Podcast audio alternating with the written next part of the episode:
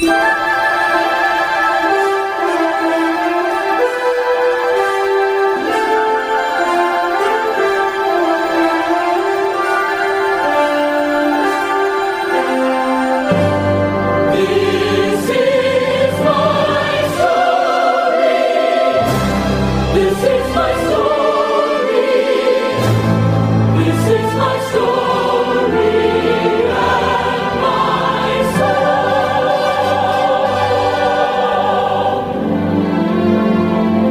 Salam sejahtera pendengar Big On Air. Selamat bertemu kembali dalam siaran pengajaran iman Kristen Big On Air. Selama beberapa menit ke depan, kami akan menemani Anda dengan pemberitaan tentang keunikan dan keindahan iman Kristen.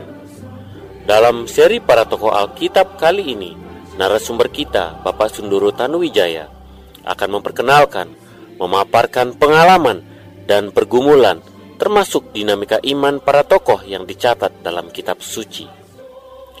Pengajaran iman Kristen on Air membangkitkan pengharapan hidup dalam ajaran firman Allah. Dari ruang siar, kami yang bertugas mengucapkan selamat mendengarkan. Semoga menjadi berkat.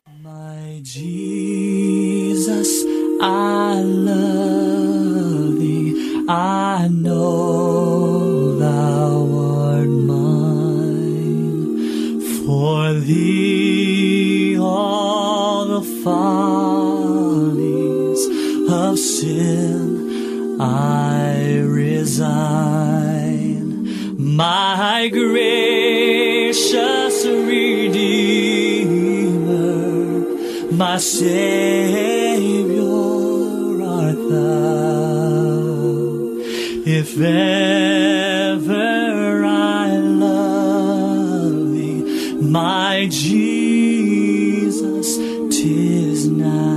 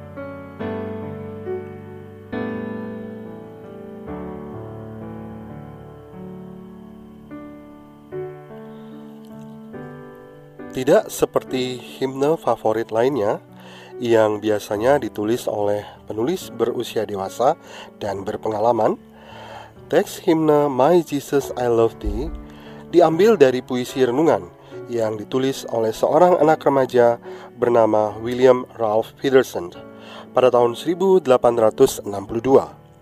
Tidak lama setelah ia bertobat dan menerima Kristus sebagai Tuhan dan Juru Selamat pribadinya. Bagaimana mungkin seorang berusia remaja dapat menuliskan puisi yang sangat bermakna ini? Jawabannya bukan karena usia seseorang, apakah dia dewasa atau remaja, tapi perjumpaannya dengan Yesus Kristus. Ketika seseorang digerakkan untuk datang kepadanya, demikian pula lah dengan William seorang anak remaja, ketika di usia remajanya, dia sudah diperhadapkan dengan realita dosa, yaitu keterpisahan abadi dengan Allah. Pada saat itu, dia percaya bahwa hanya Kristus yang bisa menyelamatkan dia. Hanya Yesus yang dapat mengampuni dosanya. William telah berubah menjadi ciptaan baru. Dia mengalami sukacita yang luar biasa karena perjumpaannya dengan Kristus. Kalau dulu Yesus hanyalah sebuah nama, maka sekarang Yesus adalah penebus bagi William yang begitu mencintainya. Kemampuan untuk mengekspresikan cintanya kepada Yesus datang dari Roh Kudus yang hidup di dalam hati anak remaja ini. Tidak banyak yang diketahui tentang Federson kecuali bahwa ia adalah seorang jemaat di gereja Metodis di Mentroil. Bahwa ia masih muda ketika menulis puisi untuk himne ini. Diperkirakan dia berusia 12 atau 16 tahun pada saat itu. Bahwa ia mengirim teks puisi ini kepada bibinya di Los Angeles yang mau mendorongnya supaya puisi ini dipublikasikan bahwa puisi ini dikirim oleh bibinya kepada teman-teman bibinya di London. Di mana kemudian puisi ini diterbitkan secara anonim di London dan bahwa ia, William Ralph Peterson, meninggal di usianya yang ke-27 tahun. Kehidupan sebagian besar orang tidak dicatat dalam buku-buku sejarah, tapi kenangan tertinggal dalam hati dan pikiran keluarga dan teman-teman, dan kemudian semua berlalu dengan begitu cepatnya. Demikian juga dengan William Ralph Peterson. Ia lahir tanpa gembar-gembor pada tanggal 24 Juli 1846 di Montreal, Kanada, dan ia meninggal di kota yang sama tepat sebelum ulang tahunnya yang ke-27. Pada tahun 1876, tiga tahun setelah kematian Peterson, Adoniram Gordon membuat komposisi musik untuk himne ini dan memasukkannya ke dalam buku himne yang diterbitkan pada tahun yang sama. Meskipun William hidup hanya 10 tahun setelah menulis lagu ini, puisi Peterson My Jesus I Love Thee ini masuk dalam banyak buku nyanyian rohani selama 130 tahun terakhir dan disenangi serta dinyanyikan oleh jutaan umat Kristen sampai hari ini.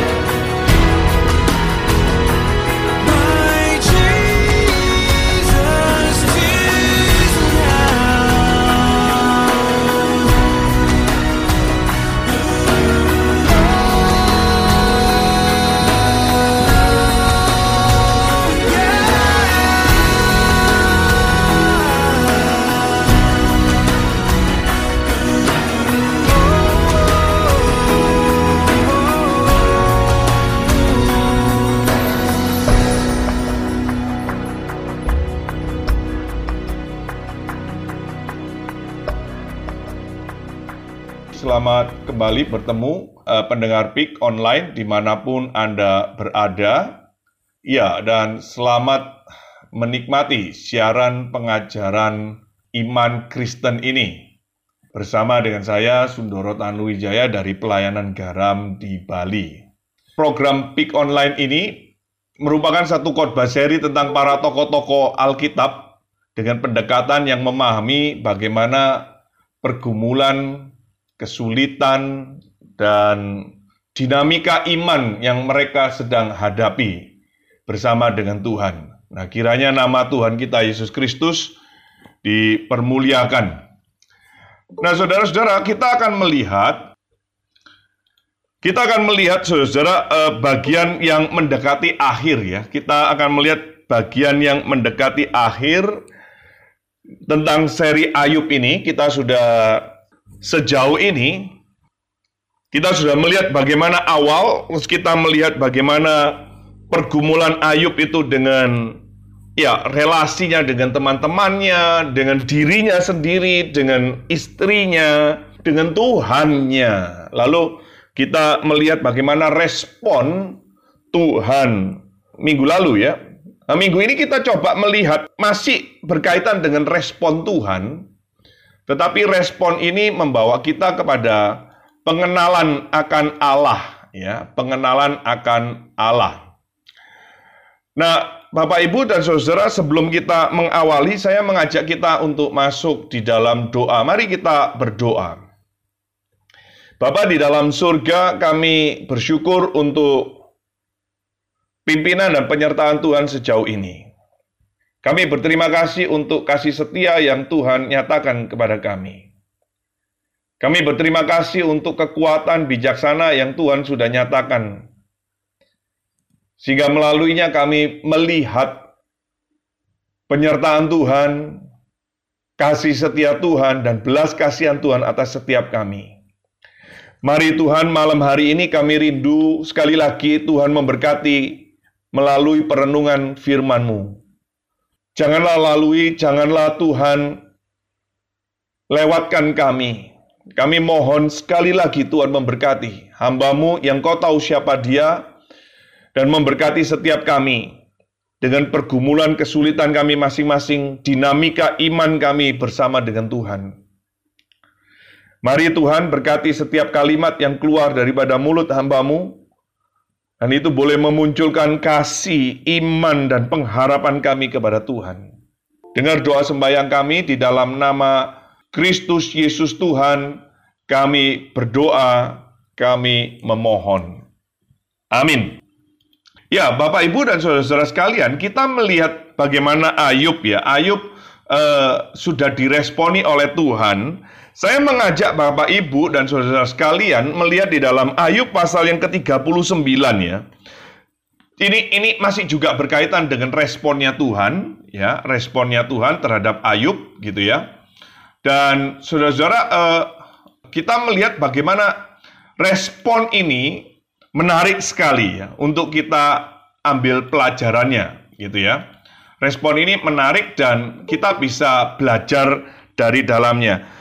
Saya mengajak saudara lihat itu di dalam pasal yang ke-38, LAI memberikan judul memang itu pas sekali ya, yaitu jawaban Tuhan kepada Ayub.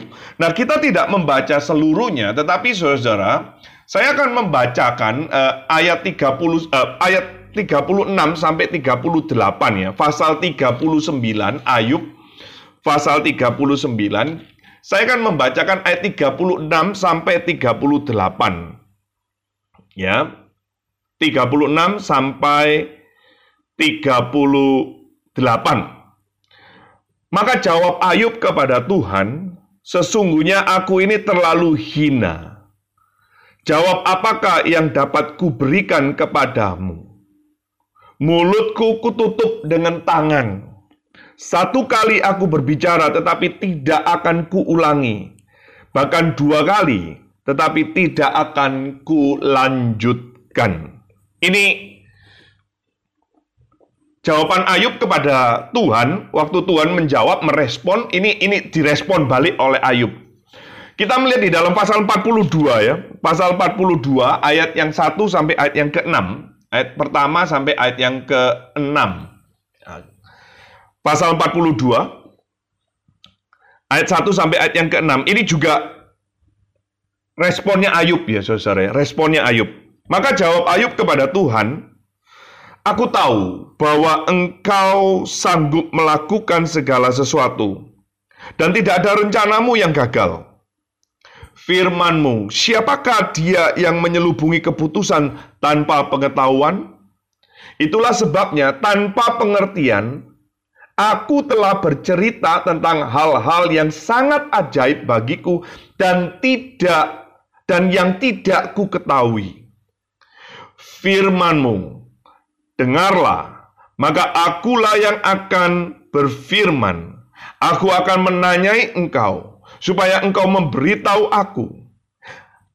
Perhatikan kalimat ini, saudara, ayat yang kelima ya. Hanya dari kata orang saja aku mendengar tentang engkau. Tetapi sekarang, mataku sendiri memandang engkau. Oleh sebab itu aku mencabut perkataanku dan dengan menyesal aku duduk dalam debu dan abu. Saudara-saudara, ini ini responnya siapa ini? Eh, Ayub ya. Dan ini menarik untuk kita perhatikan baik-baik. Mari kita lihat ya, bagian yang pertama ya, yang yang yang bisa kita lihat lihat respon Ayub di putaran yang pertama ini, saudara ya. Ada ada ada dua kali putaran ya, tetapi Ayub menjawab jawaban Allah itu di dalam ayat 39 eh, pasal 39 ayat 36 sampai 39 tadi yang pertama kita baca dikatakan Ayub mengatakan apa? Sesungguhnya aku ini terlalu hina. Jawab apakah yang dapat ku berikan kepadamu? Mulutku ku tutup dengan tangan. Satu kali aku berbicara tetapi tidak akan kuulangi. Bahkan dua kali tetapi tidak akan kulanjutkan. Ayub saudara-saudara di pasal-pasal sebelumnya dia sampai berani menantang Allah karena kondisinya itu. Ayub di sebelumnya sangat confident bahwa dia itu tidak berdosa. Dia tidak bersalah. Tetapi kenapa dia menderita? Tetapi saudara-saudara ketika Tuhan merespon, ketika Tuhan menjawab, ketika Tuhan menanggapi dan Tuhan bertanya kembali, Saudara-saudara, bukankah kita menjadi terlalu hina? Ayub sadar bahwa ketika Tuhan berespon bahwa posisinya itu sangat sangat hina, sangat kecil, saudara. Sangat tidak sebanding. Sehingga dia mengatakan, kututupi mulutku itu. Bapak Ibu, bukankah kita memang terlalu hina saat kita mulai merenungkan apa yang ada di dalam alam semesta ini? Saudara melihat bagaimana ciptaan Tuhan. Saudara melihat bagaimana karya-karya Tuhan di dalam alam, di dalam binatang, di dalam manusia-manusia yang lainnya. Saudara akan menyadari loh saudara. Saudara akan menyadari bahwa saudara itu bukan apa-apa. ya. Bukan apa-apa. Itu baru dibandingkan dengan ciptaannya. Belum dibandingkan dengan Tuhan sendiri. Jadi saudara-saudara, inilah yang dialami oleh Ayub. Dia sadar bahwa, aduh saya ini bukan apa-apa. Dan dia sadar bahwa perkataannya itu salah. Begitu ya. Nah, saudara-saudara, memang kita dicipta, manusia itu dicipta segambar dan rupa Allah. Nah, inilah yang membuat kita mulia karena kita dicipta serupa dan segambar Allah. Tetapi ingat, saudara, ingat bahwa ketika Tuhan menciptakan kita itu dengan bahan debu tanah liat. Satu bahan yang hina, satu bahan yang remeh di hadapan Allah. Bahkan termasuk di hadapan manusia, saudara ya, debu tanah liat itu remeh, murah, hina. Maka saudara-saudara dan saya apa pun dan siapa pun saudara dan saya itu jika diperhadapkan dengan Allah, maka segalanya menjadi hina. Jika saudara perhatikan itu pemazmur sadar ya akan hal itu. Pemazmur sadar akan hal ini. Nah, saudara-saudara, mari kita lihat di dalam Mazmur 8 ya. Mazmur 8 ya. Mazmur 8 ayat 4 sampai 5 Pemazmur itu juga sadar saudara ya. Khusus ini dalam hal ini Daud ya. Mazmur 8 ayat 4 sampai 5 mengatakan begini. Jika aku melihat langitmu buatan jarimu, bulan dan bintang-bintang yang kau tempatkan, apakah manusia sehingga engkau mengingatnya? Apakah anak manusia sehingga engkau mengindahkannya? Saudara-saudara, ini ini satu hal yang yang besar sekali ya saudara ya. Kalau ini ini pemazmur itu merenungkan ya, dia melihat diri dan dia melihat yang di luar dirinya. Dia melihat diri dan dia melihat ciptaan Allah lain. Ah, Ciptaan lain dari Allah itu ya. Dia dia, dia melihat diri lalu dia melihat, wih, kalau saya dibandingkan dengan alam semesta ini, siapakah manusia? Itu setitik yang kecil sekali saudara manusia itu. Tetapi di sini dikatakan, siapakah manusia sehingga engkau mengindahkannya, engkau memperhatikannya. Saudara dan saya meskipun kecil itu, saudara diperhatikan Tuhan, diindahkan oleh Tuhan. Lalu kalau saudara lihat di dalam Mazmur yang eh, lain ya, Mazmur lain itu pasal 19 ya. Mazmur pasal 19 saya bacakan saudara ya. Mazmur 19 saya bacakan ayat 1 sampai 6 itu juga mengatakan begini ya. Langit menceritakan kemuliaan Allah dan cakrawala memberitakan pekerjaan tangannya. Hari meneruskan berita itu pada hari dan malam menyampaikan pengetahuan itu kepada malam. Tidak ada berita dan tidak ada kata. Suara mereka tidak mendengar, tetapi gema mereka terpencar ke seluruh dunia dan perkataan mereka sampai ke ujung bumi. Ia memasang kemah di langit untuk matahari yang keluar bagaikan pengantin laki-laki dan keluar dari kamarnya. Girang bagaikan pahlawan yang hendak melakukan perjalanannya. Dari ujung langit ia terbit dan ia beredar sampai ke ujung lang lainnya. Tidak ada yang terlindung panas sinarnya. Saudara-saudara lihat ya, itu bagaimana seluruh ciptaan alam itu menceritakan kebesaran Tuhan. Seluruh ciptaan memberitakan kebaikan Tuhan. Seluruh kelimpahan alam semesta ini mencerminkan berapa besar Allah kita. Maka saudara dan saya kalau dibandingkan dengan alam itu saudara. saudara dan saya sama sekali tidak sebanding. Itu baru dengan ciptaan. Maka jikalau kita dibandingkan dengan pencipta, waduh sama sekali tidak sebanding. Sama sekali tidak sebanding. Maka saat Ayub, tantangan Ayub itu dijawab dan ditantang balik oleh sang pencipta itu. Saat itu Ayub sadar. Sadar dia menutup mulutnya. Dan sama sekali tidak mempunyai jawaban apa-apa kepada Allah. Dia sadar dia mengatakan, aku mengatakan satu kali, dua kali, dan tidak tak ulangi lagi. Sudah cukup, cukup. Sudah sudah tidak punya keberanian lagi untuk berkata apa-apa tentang Allah. By the way, saudara-saudara dan saya terlalu sedikit yang kita ketahui tentang alam. Saudara dibandingkan dengan alam ini masih menyimpan banyak misteri. Alam ini masih menyimpan banyak hal-hal yang kita tidak mampu ketahui. Saudara melihat dunia binatang pun saudara banyak yang belum saudara ketahui. Namun saudara-saudara berapa banyak kita terlalu berani menantang Allah. Khususnya ketika saudara dan saya ada dalam kesulitan. Ketika saudara dan saya ada di dalam penderitaan. Kita terlalu berani lalu mengatakan, Tuhan itu ada enggak sih? Tuhan itu ingat enggak sama saya ya? Tuhan itu lupa kali ya sama janjinya ya? Tuhan itu di mana ya? Di mana Tuhan itu? Maka saudara-saudara perhatikan baik-baik respon daripada Ayub ini membuat kita sadar bahwa saudara dan saya memang tidak sebanding, tidak sebanding.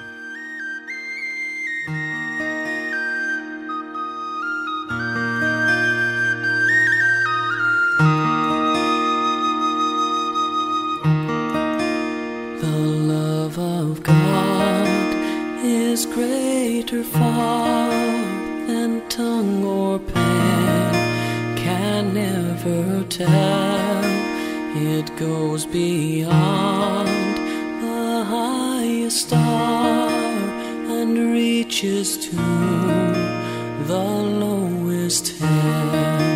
The guilty pair bowed down with care. God gave his son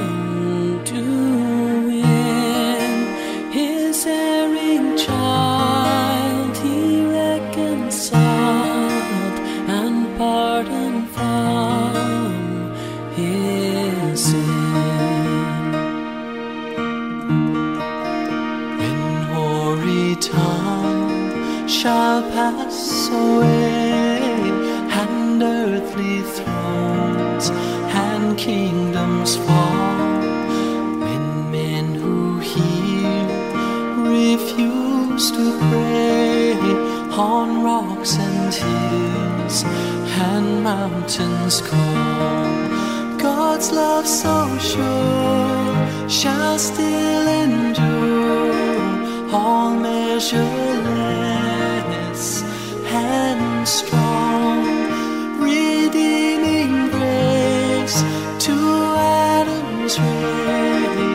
the saints and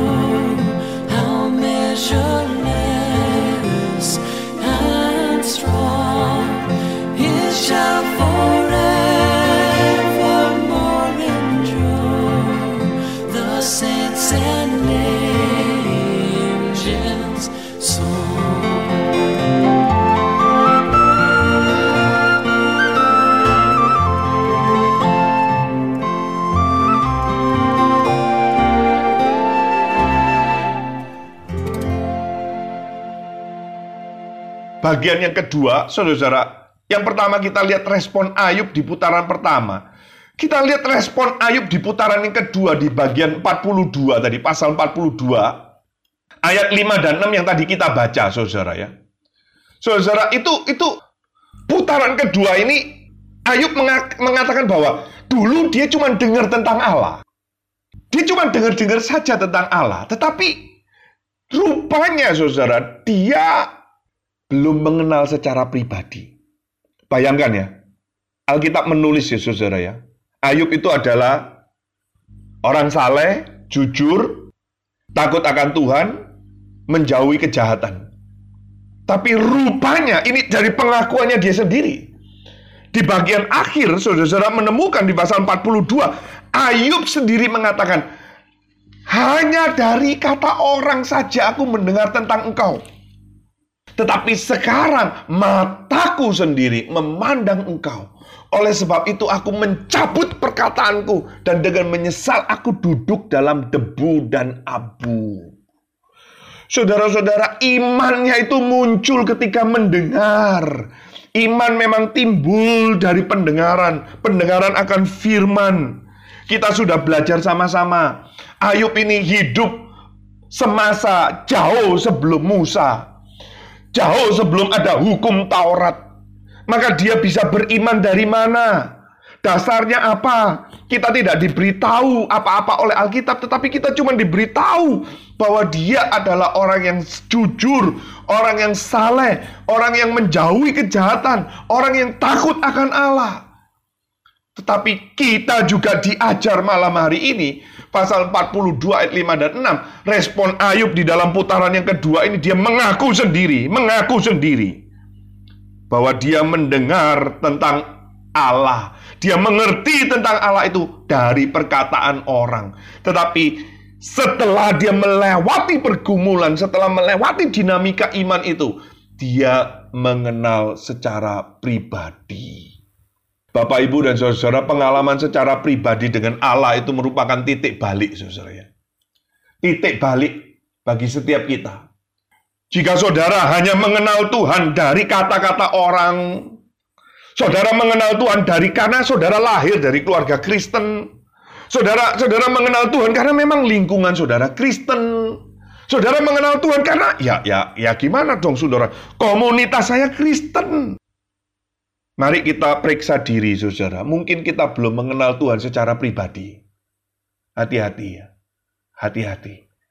Kita bersyukur jika kita lahir di dalam keluarga Kristen. Kita bersyukur tentu jikalau kita keluar lahir langsung ada di lingkungan suasana ajaran-ajaran iman Kristen. Kita bersyukur untuk itu. Tetapi saudara dan saya perlu mengenal Allah secara pribadi. Itu penting. Saudara dan saya perlu pengalaman pribadi dengan Tuhan. Karena keselamatan itu juga persoalan pribadi, saudara. Keselamatan tidak bisa borongan. Keselamatan di dalam Kristus itu personal, individu, masing-masing bertanggung jawab kepada Tuhan. Saya tekankan kepada anak-anak saya, memang engkau dititipkan oleh Tuhan kepada saya. Anak saya sekarang hadir mengikuti ini kelas juga ada dia. Dan yang lain masih mendengar di sini. Saudara, saya berapa kali menekankan Tuhan titipkan engkau kepada saya. Dan saya mewariskan itu, mengajarkan engkau dengan iman Kristen. Ajaran di dalam Alkitab ini. Tetapi tanggung jawab secara personal ada di pundakmu, bukan di papa. bukan di mama. Lain cerita kalau aku tidak mengajarkan iman itu, aku tidak mewariskan iman itu. Itu tanggung jawabku, aku berdosa di hadapan Tuhan. Saudara-saudara, ini penting sekali ya. Ini penting sekali. Pengalaman pribadi dengan Tuhan. Saya katakan kepada anak saya, jangan mentang-mentang karena papamu ada dalam pelayanan lalu lalu otomatiskah? Tidak. Tidak. Tidak bisa, Saudara. Konsep penyembahan kita di dalam hidup kita itu itu ter, me- menyangkut dengan pengertian teologi secara pribadi kita dengan Tuhan. Selain itu saya tekankan saudara kepada anak-anak saya. Ingat, papamu ini pengajar, papamu ini pemberita firman, papamu ini pemberita Injil. Jaga nama baik Tuhan yang aku beritakan itu. Jaga nama baik berita yang aku sampaikan itu. Karena saudara-saudara secara fakta saya menemukan banyak anaknya hamba Tuhan, anaknya pendeta itu. Waduh saudara, brengseknya luar biasa. Brengseknya luar biasa. Nah kalau ditanya itu tanggung jawab siapa? Tanggung jawab anak itu memang iya, tetapi ada tanggung jawab juga orang tua. Karena mungkin orang tua tidak menekankan pengajaran, tidak menekankan pertemuan secara pribadi dengan Tuhan. Dia hanya diberikan lingkungan-lingkungan Kristen, suasana-suasana Kristen, tetapi dia tidak diperkenalkan kepada Kristus secara pribadi. Bagi Bapak Ibu yang sudah punya anak, saya mau bertanya, sudahkah engkau menginjili anakmu satu persatu? Sudahkah engkau memberitakan Injil kepada anakmu sendiri? Paulus sendiri mengatakan, "Jangan sampai aku yang memberitakan Injil, tetapi aku sendiri yang ditolak." Nah, ini penting, saudara. Ini penting. Maka anak saya satu persatu saya injili. Satu persatu saya injili. Ini anak saya yang pertama ada ikut di dalam kelas ini. Anak saya kedua juga mendengar. Anak saya ketiga nggak tahu sekarang mungkin lagi lagi antar teman yang sedang sakit, mamanya sedang sakit. Tetapi satu persatu saya injili mereka. Dan terus saya ingatkan, ingat engkau adalah milik Tuhan. Saya tidak mau terlalu menekankan jaga nama baik papamu ya. Jangan jaga nama baik keluarga itu, itu itu nomor dua itu itu nomor dua. Tetapi yang paling utama jaga nama baik Tuhan yang papamu beritakan itu. Jaga posisi firman yang papamu ini beritakan. Nah ini penting saudara. Saudara mungkin ada yang hamba Tuhan, saudara mungkin ada yang majelis, saudara ada yang di sini sebagai penatua, pengurus, aktivis, dan lain sebagainya. Kita perlu menekankan ini kepada anak-anak kita. Supaya jangan sampai mereka tidak memiliki hubungan pribadi dengan Tuhan. Saudara ini loh, Ayub loh, Ayub. Ayub yang sedemikian rupa loh saudara. Tetapi kita juga menemukan dari mulutnya Ayub sendiri. Dulu saya mendengar hanya dari kata orang, sekarang aku baru menemukan, melihat dengan mataku sendiri. Bapak reformator yang paling terkenal, Yohanes Calvin, di bagian awal dalam bukunya yang terkenal itu Institutio, buku yang mempengaruhi dunia, mulai dari abad 15 sampai abad 21 ini. Buku yang mempengaruhi gereja-gereja seluruh dunia. Termasuk gereja yang menentang ajarannya dia. Di dalam bagian yang pertama dia mengatakan apa? Bahwa manusia tidak bisa mengenali diri tanpa mengenal Allah lebih dahulu. Saat manusia mau mengenal Allah, maka maka manusia akan mampu mengenali dirinya. Tapi kalau saudara mau mengenali diri tanpa mau mengenal Allah, Saudara, itulah dunia. Beda dengan kekristenan. Saudara mau mengenal diri, harus mengenal Allah. Saudara mau mengenal diri tanpa Allah, saudara-saudara tidak mungkin saudara bisa mengenal diri. Coba aja, jujur aja sekarang. Sekarang saudara jujur aja. Saudara mengenal diri saudara 100% tidak. Saudara mengenal diri sendiri 100% tidak. Kalau saudara berani mengatakan 100%, saya katakan bohong. Saudara bohong.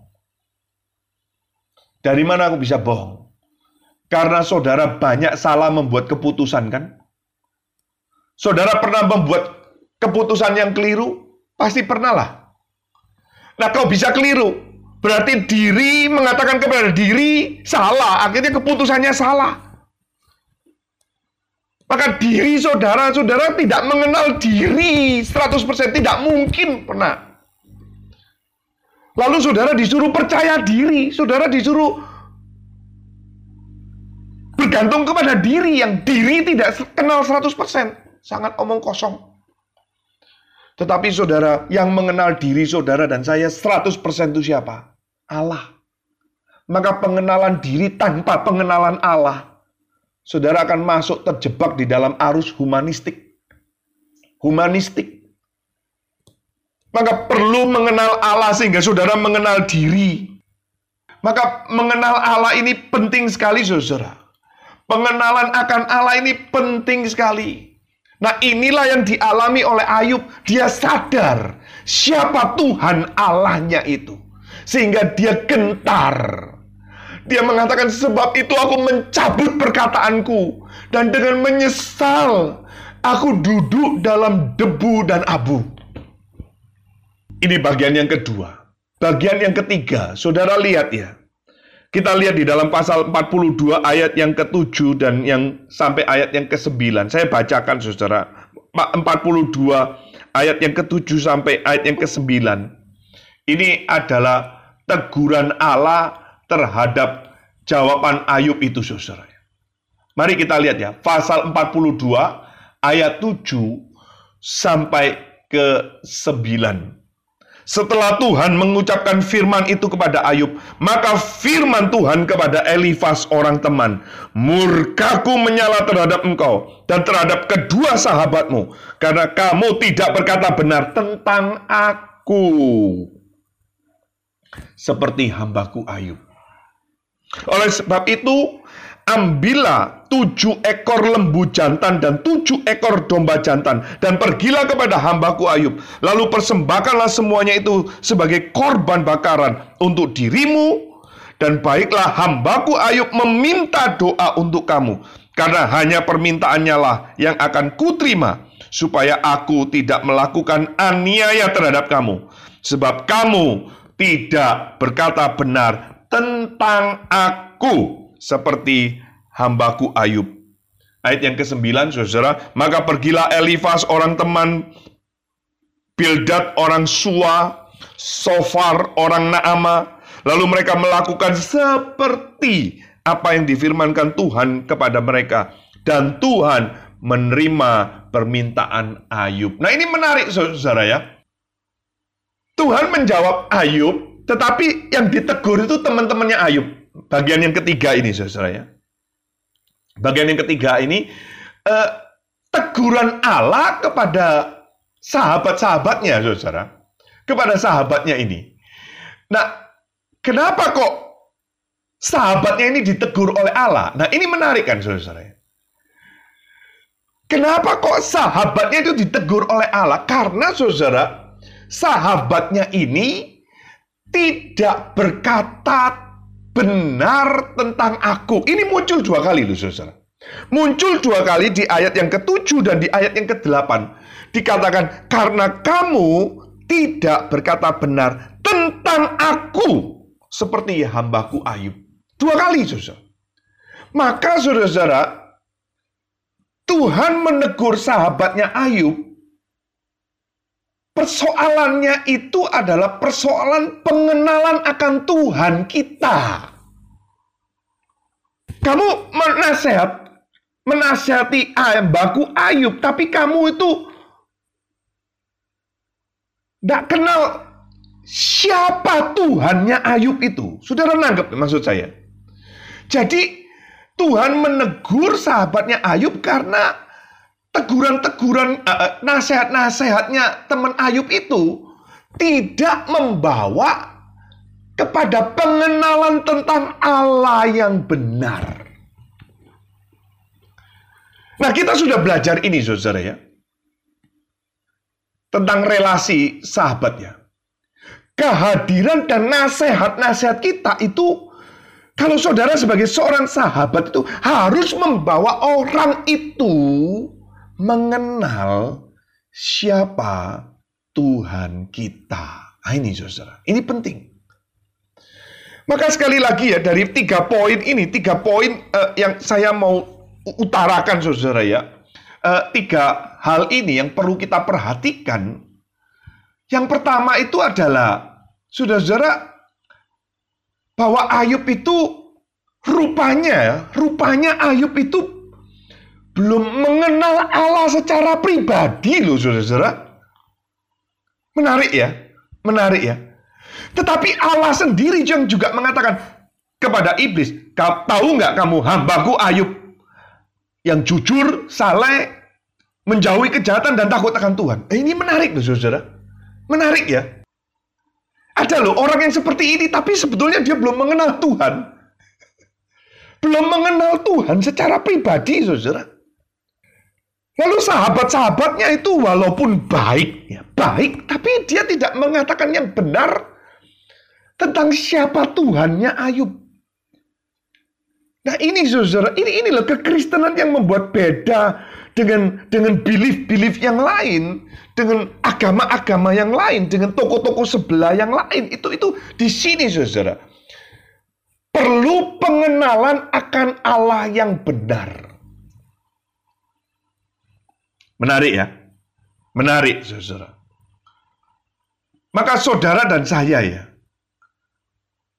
Walaupun saudara sudah ikut pick online ini, walaupun saudara mungkin mungkin saudara ini uh, uh, rajin ikut pick ini ya. Pertanyaannya adalah bukan saudara saya dapat hadiah apa? Saudara saya dapat apresiasi apa? Bukan. Pertanyaannya dan persoalan utamanya adalah sudahkah saudara mengenal Tuhan secara pribadi. Ini penting. Ini penting. Sudahkah saudara mengenal Kristus secara pribadi? Ini penting. Saya tidak peduli saudara sudah Kristen berapa tahun. Saya tidak peduli. Saya tidak mau tahu saudara Kristen baru atau saudara Kristen turunan sejak lahir lah atau mungkin saya melihat di sini ada sebagian dari saudara-saudara ini usianya lebih daripada usia saya. Saya tidak peduli, tetapi pertanyaannya adalah kepedulian saya sebagai hamba Tuhan malam ini adalah sudahkah saudara mengenal Allah yang benar?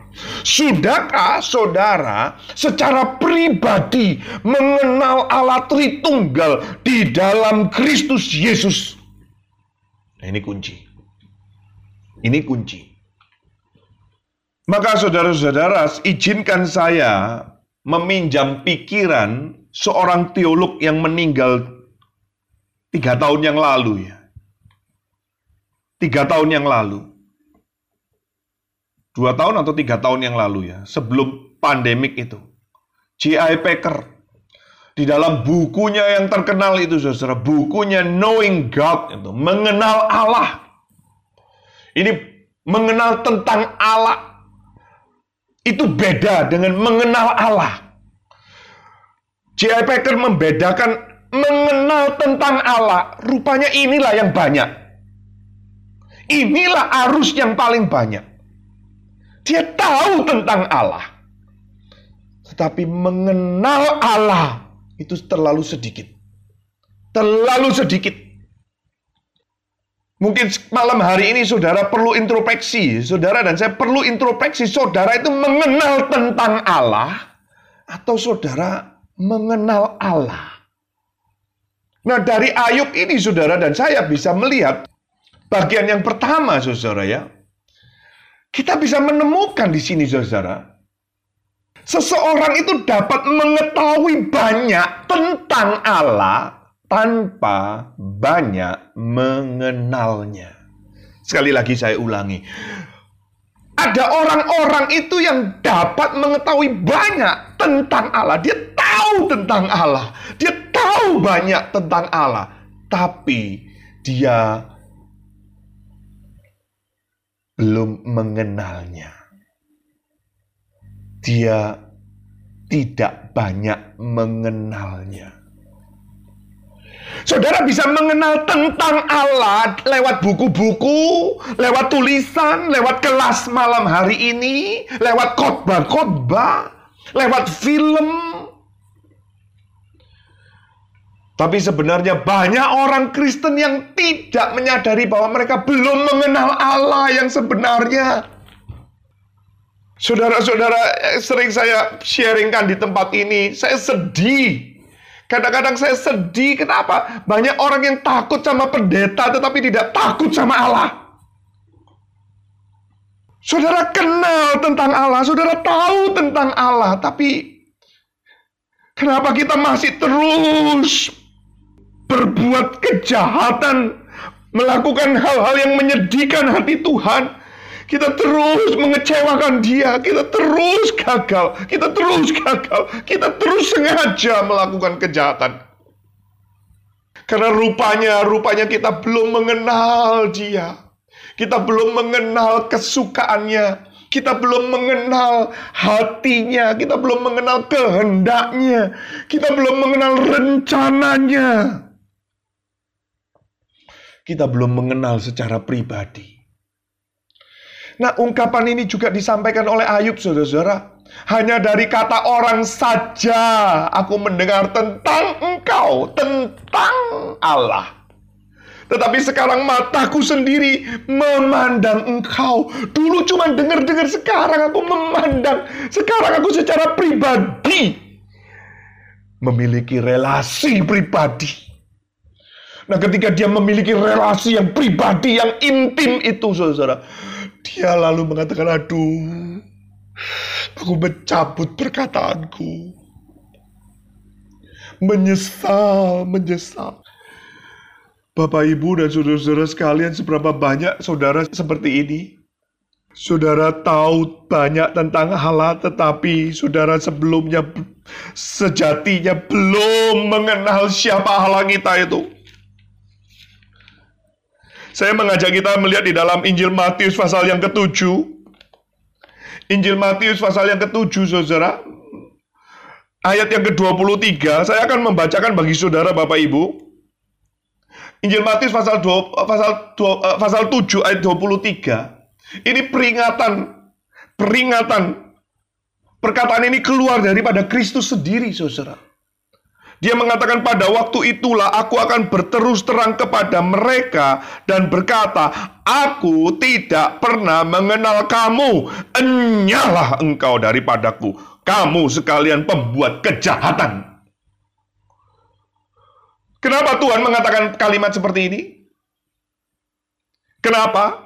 Karena ayat 22 mengatakan, pada hari terakhir banyak orang akan berseru, Tuhan, Tuhan, bukankah kami bernubuat demi namamu? Mengusir setan demi namamu? Mengadakan banyak mujizat demi namamu juga? Saya mau tanya di antara saudara yang ikut PIK ini, siapa yang pernah melakukan seperti ini? Bernubuat demi nama Tuhan, mengusir setan demi nama Tuhan, mengadakan banyak mujizat demi nama Tuhan, siapa? Ini orang hebat loh. Ini orang bukan sembarangan loh.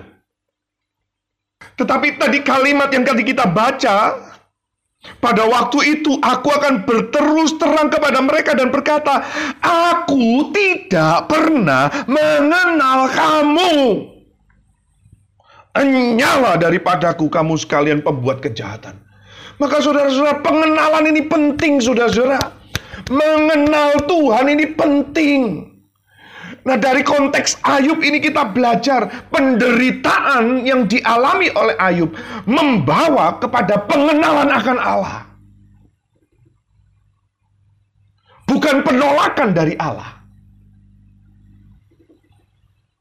Mampukah saudara mengenal pribadi Allah?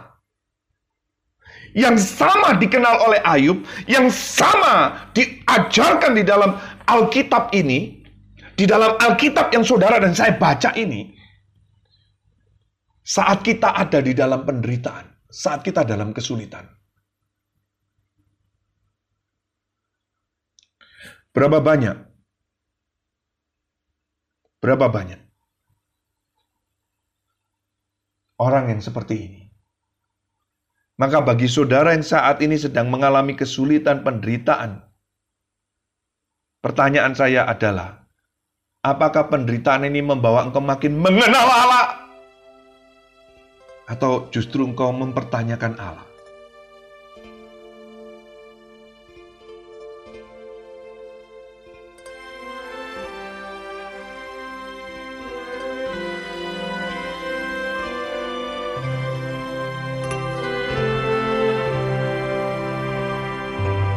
Beratkah beban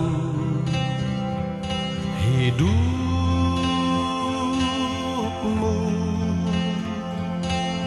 Dalam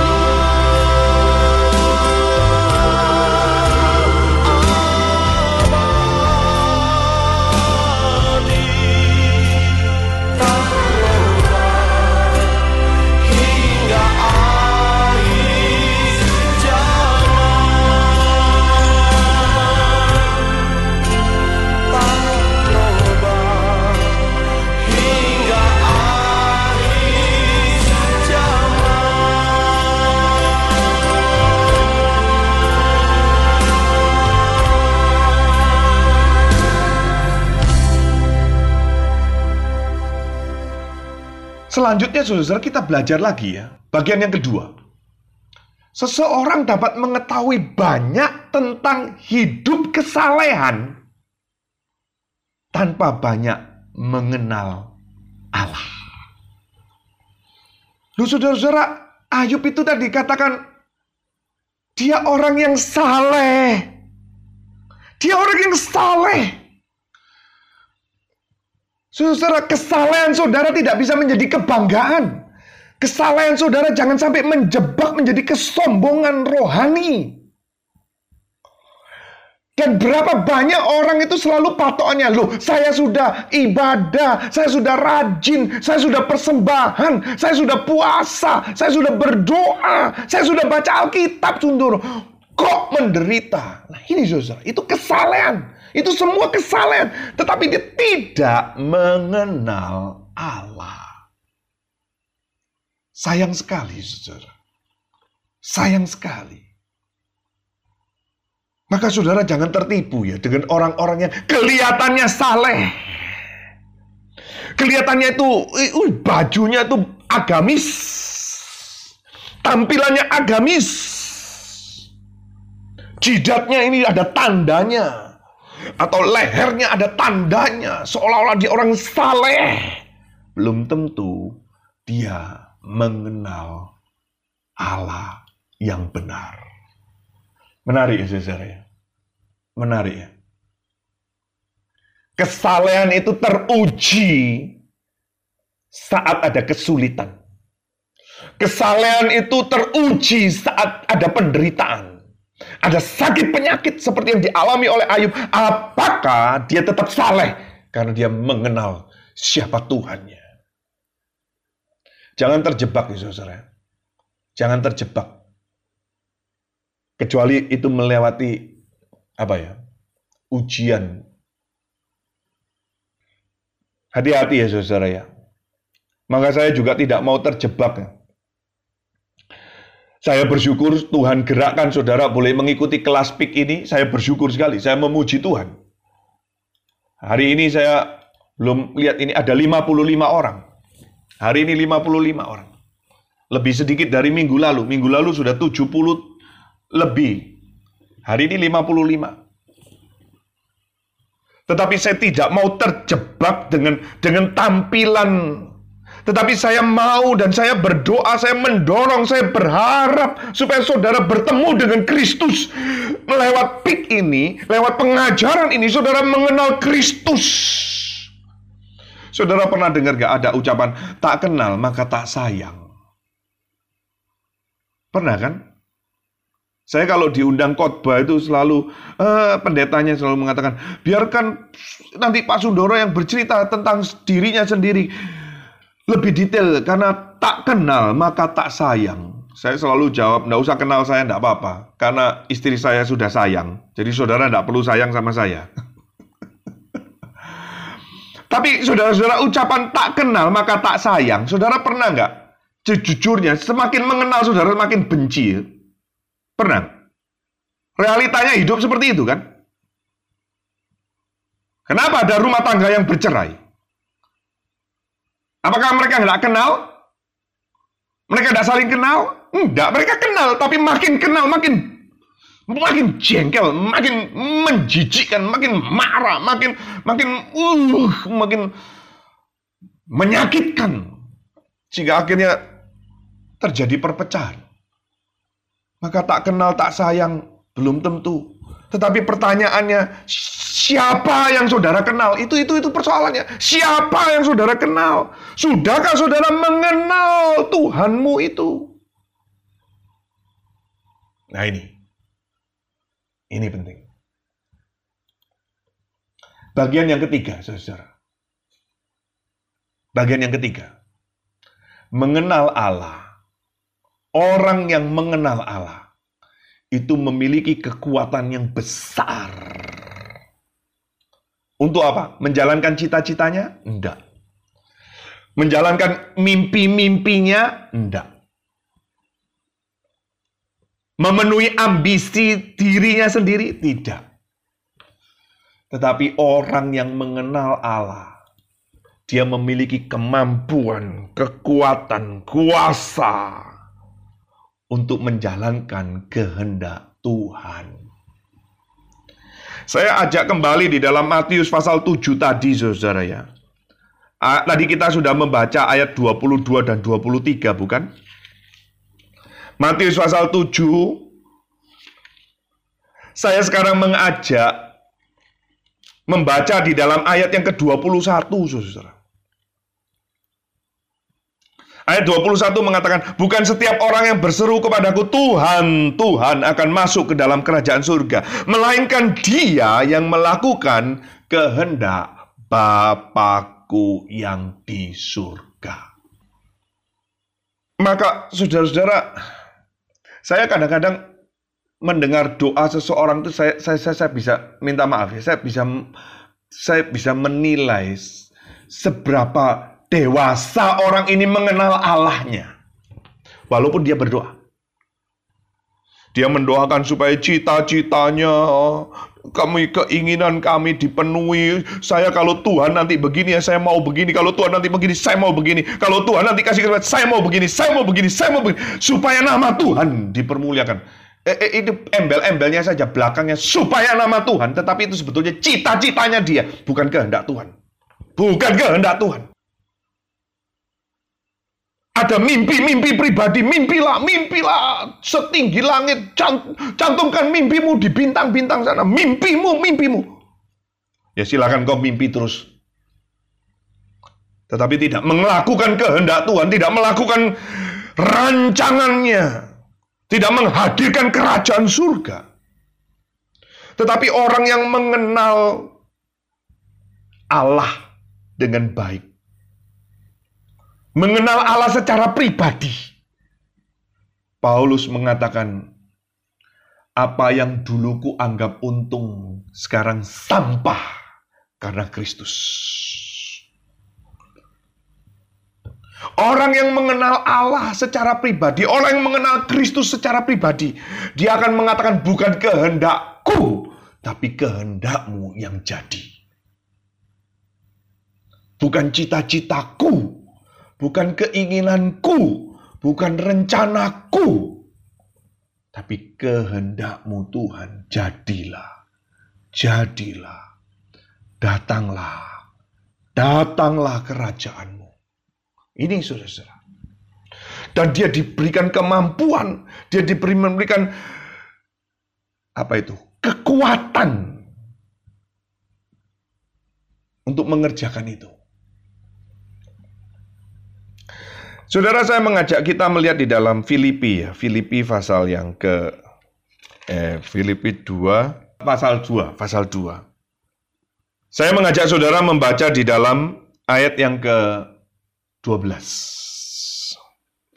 Hai saudara-saudaraku yang kekasih, kamu senantiasa taat karena itu tetaplah kerjakan keselamatanmu dengan takut dan gentar. Bukan saja seperti waktu aku masih hadir, tetapi terlebih pula sekarang waktu aku tidak hadir. Perhatikan ayat 13. Karena Allah lah yang mengerjakan di dalam kamu baik kemauan maupun pekerjaan menurut kerelaannya. Maka orang yang mengenal Kristus secara pribadi, mengenal Allah secara pribadi, dia sadar bahwa apa yang dikerjakan itu karena ada Allah, roh Allah yang di dalamnya yang mengerjakan itu. Tetapi ayat 12 itu juga ada bagian kita. Paulus mengatakan kerjakanlah keselamatanmu dengan takut dan gentar. Tetap kerjakan itu. Tetapi ada kekuatan yang yang yang memampukan kita yaitu roh Allah dan Allah itu sendiri bekerja di dalamnya. Maka ini penting saudara. Saudara mengenal Allah, saudara jangan takut. Walaupun kadang-kadang saudara ketar-ketir, khawatir, saya bisa nggak ya? Saya bisa nggak? Oh Tuhan ini terlalu besar, terlalu besar. Tetapi Tuhan akan memampukan itu. Karena memang engkau dan aku tidak mampu, maka Tuhan yang akan memampukan itu. Itu sebabnya dia berkata, kau tidak akan diberikan, kau tidak akan dibiarkan, ditinggalkan sendiri. Ada roh penolong. Ada roh kudus di dalam kita.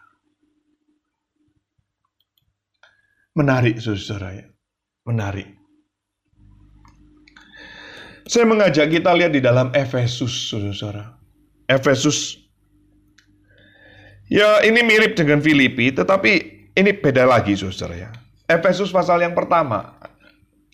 Saya akan membacakan Efesus 1 ayat 3 dan sampai 9 itu, saudara ya.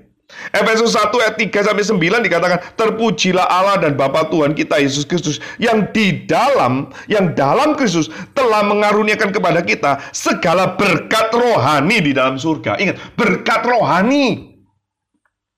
Kita pikirannya cuma berkat, berkat jasmani saja.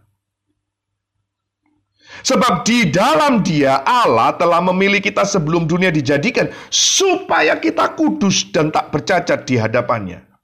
Dalam kasih ia telah menentukan kita dari semula oleh Yesus Kristus untuk menjadi anak-anaknya sesuai dengan kerelaan kehendaknya. Saudara dipilih itu karena kehendaknya dan itu karena kerelaannya dia memilih saudara dan saya. Siapa engkau? Siapa saya? Tapi karena kehendaknya dalam kerelaannya dia memilih engkau dan aku supaya terpujilah kasih karunia-Nya yang mulia yang dikaruniakan kepada kita di dalam Dia yang dikasihinya. Sebab di dalam Dia dan oleh darahnya kita beroleh penebusan, yaitu pengampunan dosa menurut kekayaan kasih karunia-Nya yang dilimpahkannya kepada kita dalam segala hikmat dan pengertian sebab ia telah menyatakan rahasia kehendaknya kepada kita sesuai dengan rencana kerelaannya, yaitu rencana kerelaan yang dari semula telah ditetapkannya di dalam Kristus. Saudara kalau mengenal Kristus, mengenal Allah yang benar, yang sejati secara pribadi, saudara akan diungkapkan, diberikan rahasia-rahasia kehendaknya sesuai dengan kerelaannya. Ada banyak kita bertanya, dari mana saya tahu kehendak Tuhan? Dari mana saya tahu kehendak Tuhan? Dari mana saya tahu kehendak Tuhan? Saya sering ditanya seperti itu. Tapi kalau saudara mempunyai relasi yang intim dengan Tuhan, saudara pasti tahu. Gimana taunya? Saudara pasti tahu. Saya tidak bisa tahu. Saya juga nggak bisa kasih formulanya karena Tuhan bekerja itu unik. Unik masing-masing pribadi unik. Kuncinya adalah supaya engkau kudus dan tak bercacat dan memuliakan kasih karunia-Nya. Ini saudara, ini kekuatan itu. Bagian yang keempat, saudara, mengenal Allah itu memiliki pemikiran-pemikiran besar tentang Allah. Selanjutnya, bagian keempat ini. Saudara kalau mengenal Allah, saudara memiliki pemikiran-pemikiran yang besar. Karena apa? Karena pemikiran besar itu datangnya dari Allah. Maka saudara dan saya itu jangan minder, tapi sekaligus kita tidak sombong. Jangan cepat tawar hati, juga jangan cepat menyerah. Karena kalau Tuhan di pihak kita, kalau kita mempunyai relasi yang dekat, itu pasti ada jalan keluar. Pikirannya tuh besar, pikirannya kreatif. Kita punya Allah yang besar, bukan? Kita punya Allah yang agung, bukan? Kita punya Allah yang mulia, bukan?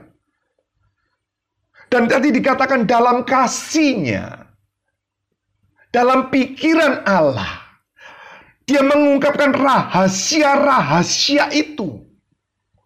Maka saya tidak percaya ya saudara, orang Kristen yang sungguh-sungguh itu goblok-goblok, bodoh-bodoh, begitu ya. Saya tidak bicara IQ. Ya.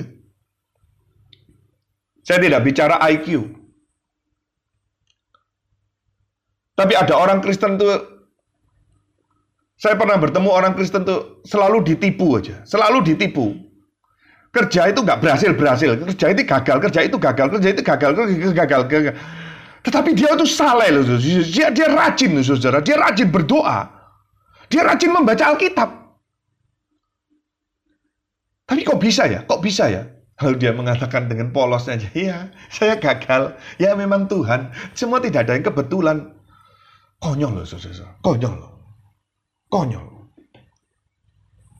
Konyol. Saya percaya saudara, janji Tuhan di luar aku engkau tidak berbuat bisa berbuat apa-apa. Maka kalau kita di dalam Kristus, kita berbuat banyak hal. Kalau saudara dan saya mengenal Kristus dengan baik, saudara akan memiliki pemikiran-pemikiran, ide-ide yang cemerlang, yang menyegarkan, yang yang yang menggairahkan, yang membakar semangat orang lain. Karena Tuhan beserta saudara. Saudara mau ditipu, mungkin Tuhan akan lewatkan. Tuhan akan pakai orang lain untuk membukakan. Saudara akan dibuatkan ide, dimunculkan ide. Gak tahu caranya bagaimana. Tuhan banyak cara, saudara.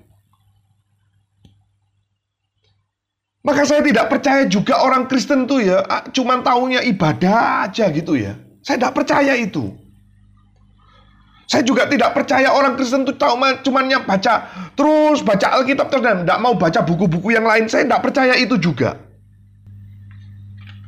Saya tidak percaya juga orang Kristen tuh yang taunya cuman wis pokoknya yang gereja tok, yang ke gereja saja. Gak mau yang lain-lain. Itu itu orang itu orang yang saleh, itu orang yang suci belum tentu. Belum tentu. Saudara perlu semakin hari makin sujud di hadapan Tuhan. Makin hari makin gentar di hadapan Tuhan. Makin hari membuat saudara dan saya, Tuhan siapakah saya?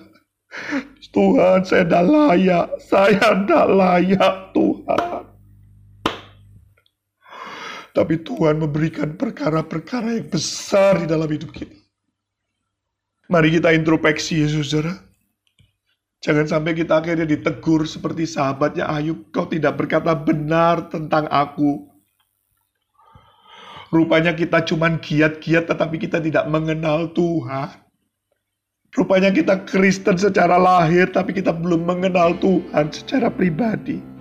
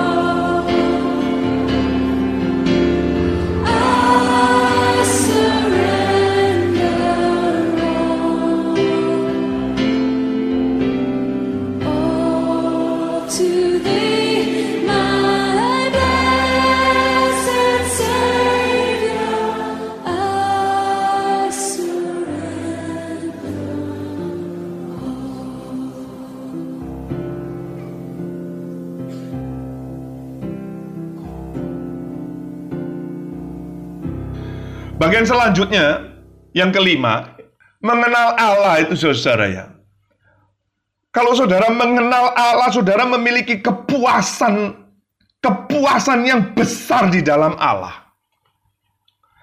Maka saudara dan saya tidak perlu yang lain lagi untuk memuaskan batin saudara. Hubungan yang benar-benar murni itu pengenalan yang benar akan Allah itu membuat saudara rasa cukup. Hanya Allah saja aku cukup. Dan inilah yang sering dirasakan oleh pemazmur saudara. Biar aku di rumahmu saja Tuhan. Aku tidak mau yang lain, tidak mau yang lain. Biar aku berdiam di rumahmu saja Tuhan. Apakah saudara lalu berkata, tuh Sundoro, makanya saudara, saya itu cuma maunya ke gereja saja. Aku maunya itu cuma mau ke gereja saja. PD, PD, PD, PD, pelayanan, pelayanan, pelayanan. Pik, pik, pik, pik, pik, pik, pik. Enggak, bukan itu saudara. Tetapi saudara punya relasi pribadi mengenal Allah itu. Sehingga saudara tidak tergiur dengan rayuan-rayuan, imingan-imingan itu saudara juga tidak tergiur untuk mengasihani diri. Bapak Ibu jujurlah, jujurlah dengan diri sendiri. Kapan saudara terakhir satu jam sendiri dengan Tuhan? Kapan saudara terakhir berdoa sendiri dengan Tuhan? Satu jam. Martin Luther itu saudara ya. Setiap hari dia berdoa. Harus tiga jam. Sebelum dia mengerjakan yang lain-lain. Dia tiga jam lebih dulu berdoa. Martin Luther makin dia menghadapi persoalan, dia makin tambah jam berdoanya. Maka dia ketika dia dihadapkan pengadilan-pengadilan, dihadapkan para raja, dia mengatakan, tunggu, saya berdoa dulu sama Tuhan. Sebelum jawab, dia bilang, kasih saya waktu untuk berdoa. Besok saya kasih jawaban. Dia bergumul, dia berdoa. Dan Martin Luther itu kalau berdoa unik, saudara. Dia berdoa itu dia dia berkata-kata sendiri, dia ngomong-ngomong sendiri, dia dia dia mondar-mandir, dia berkata-kata Tuhan tolong, Tuhan tolong, tolong. Lalu dia berkata, "Eh jiwaku, kenapa kau kau sedih? Kenapa sedih? Bukankah ada firman?" Dia dia berkata-kata sendiri, Saudara. Sehingga Martin Luther tuh eh, sama sama biarawan-biarawan yang lain dianggap ini orang gila ini. Orang gila ini kalau sudah di di ruang doanya dia ngomong sendiri katanya.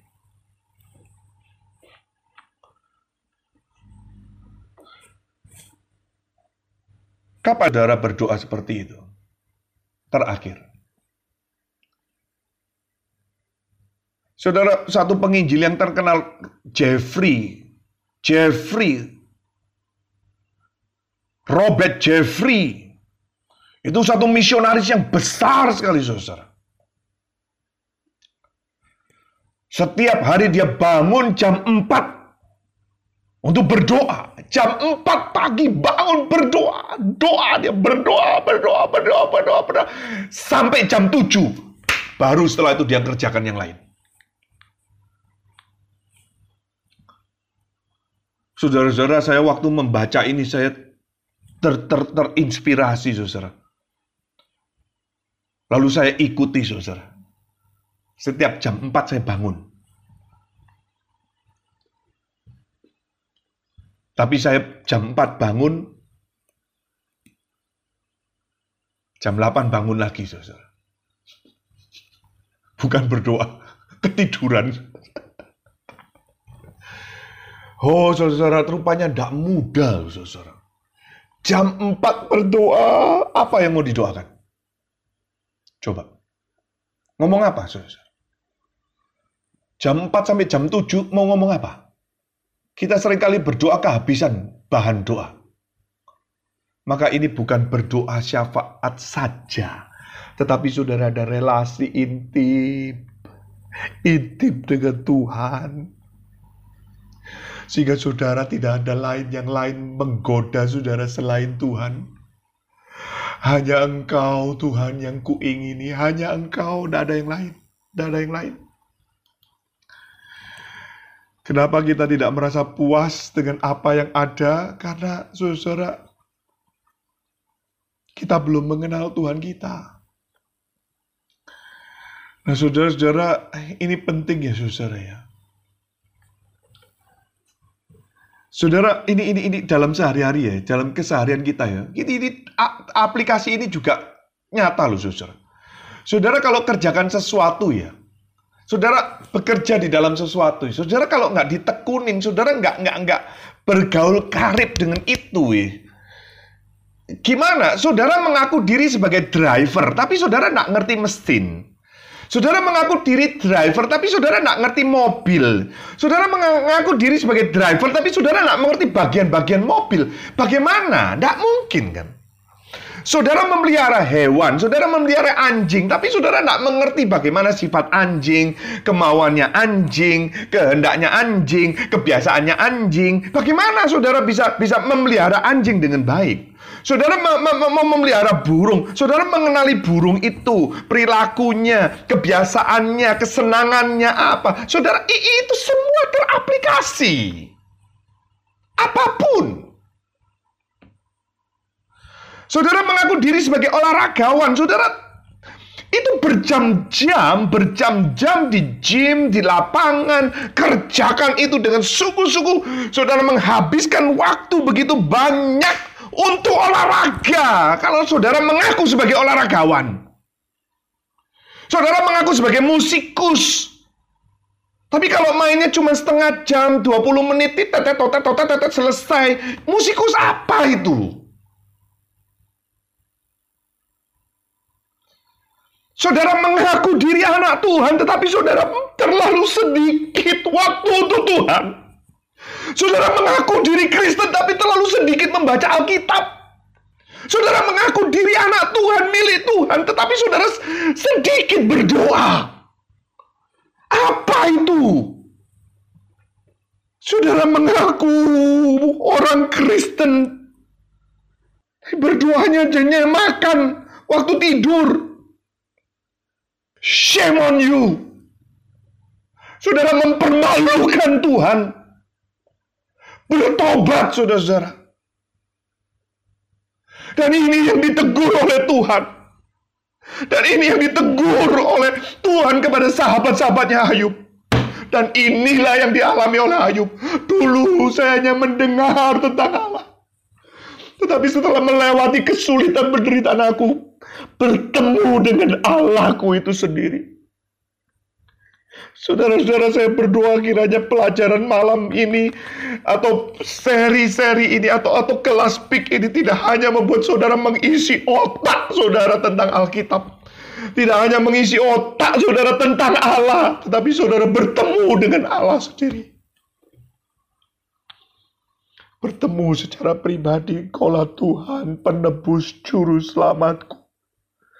Aku orang yang berdosa Tuhan. Sehingga saudara kesulitan apa pun tidak akan menggoncangkan engkau. Maka ketika kita belajar Ayub, kita bukan bukan bukan Ayub seolah-olah peran utamanya. Tetapi aktor yang sesungguhnya. Adakah saudara melihat Allah melalui Ayub ini? Bagaimana pengenalan saudara dan saya kepada Allah saat ini? Kiranya Tuhan menolong kita. Kiranya Tuhan beranugerah. Mari kita berdoa, saudara. Tuhan, kami banyak tahu tentang Engkau. Tetapi sesungguhnya kami terlalu sedikit mengenal Engkau. Apa yang menjadi kesukaanmu? Apa yang menjadi kehendakmu? Apa yang menjadi rencanamu? Kami terlalu abai. Kami sering kali hanya berpusat kepada diri kami. Kami berpusat kenapa Tuhan tidak menjawab doaku. Kenapa Tuhan tidak mendengar doaku? Kenapa saya menderita? Kenapa saya begini, begitu? Kenapa saya tidak diperhatikan? Kenapa saya kekurangan? Tetapi kami mengabaikan apa yang menyenangkan hatimu Tuhan. Tuhan tolong kami. Tuhan pakai kami. Supaya kami lebih cinta firman-Mu. Lebih mencintai Alkitab daripada segalanya. Menggali, menuntut diri untuk mengenal Tuhan kami lebih dalam. Lebih personal. Lebih dalam dan lebih dalam lagi. Dalam nama Tuhan Yesus kami memohon. Kami berdoa. Amin.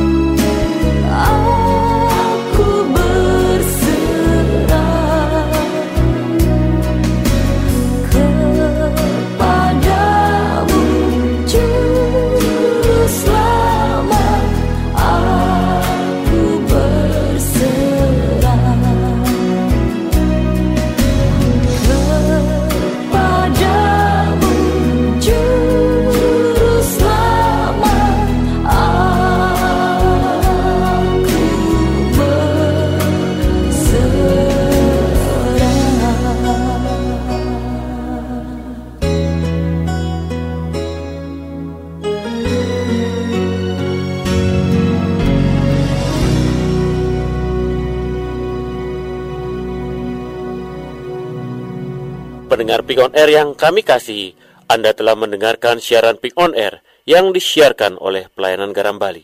Jika Anda ingin mengetahui tentang aktivitas Pelayanan Garam Bali atau Tuhan gerakkan Anda untuk berbagian dalam donasi dana agar dapat mendukung pelayanan siaran ini lebih luas, silakan menghubungi kami di nomor 085 238 400 900 085 238 400 900 untuk mendapatkan informasi lebih lanjut. Nantikan kehadiran kami di siaran kami berikutnya. Tuhan memberkati.